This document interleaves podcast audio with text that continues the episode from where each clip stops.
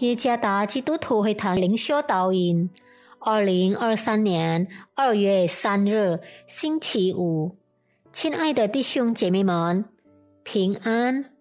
今天的灵修导引，我们会借着圣经《列王记上》十五章第九到十四节来思想今天的主题。当你面对选择时，作者。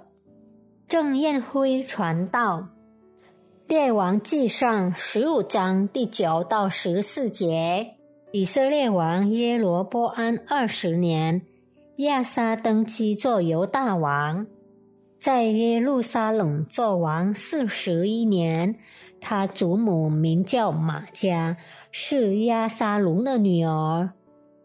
亚撒效法他主大卫行耶和华眼中看为正的事，从国中除去娈童，又除掉他列祖所造的一切偶像，并且贬了他祖母玛加太后的位，因他造了可憎的偶像亚瑟拉。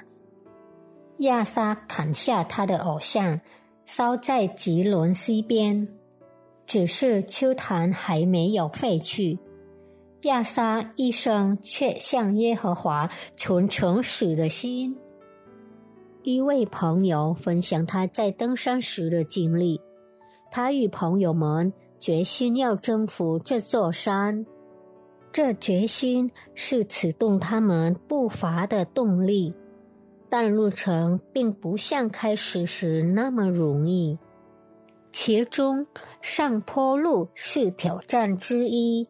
成员之间的抱怨能使人失去了斗志，疲劳和绝望成为阻碍他们前进的障碍。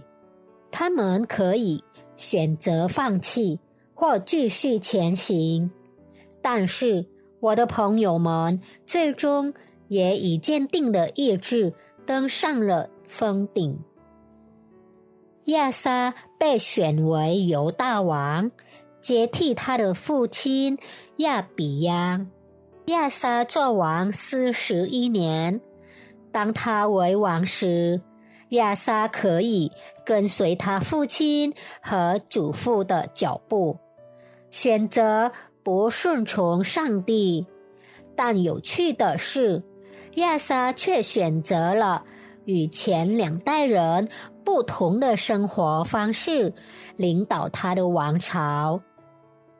亚撒敬畏神，行神眼中看为正的事，为要证明自己行神眼中看为正的决心，他从国中除去娈童，又除掉他列祖所造的一切偶像。更极端的是。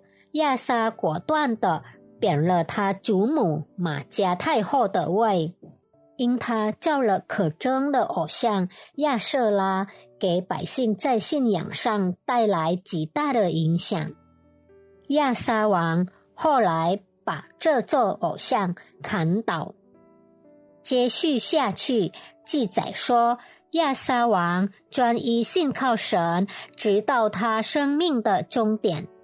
参看二十三节，亚撒王没有让他家人的罪恶拦阻他敬畏神的心。亚撒王坚定心志跟从神，做一位好君王。我们也常常发现，周围的人过不敬畏神、不顺服神的生活，或许。他们就生活在我们的家庭中。当我们要行与他们不同的生活方式时，难免要面对一些困难或者挑战。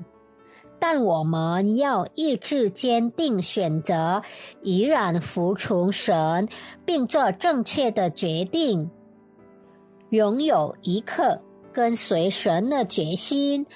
不只是刚开始迈步时，就是在我们一生的路程，直到我们生命的终点，都需要拥有坚定的意志，单要信靠神。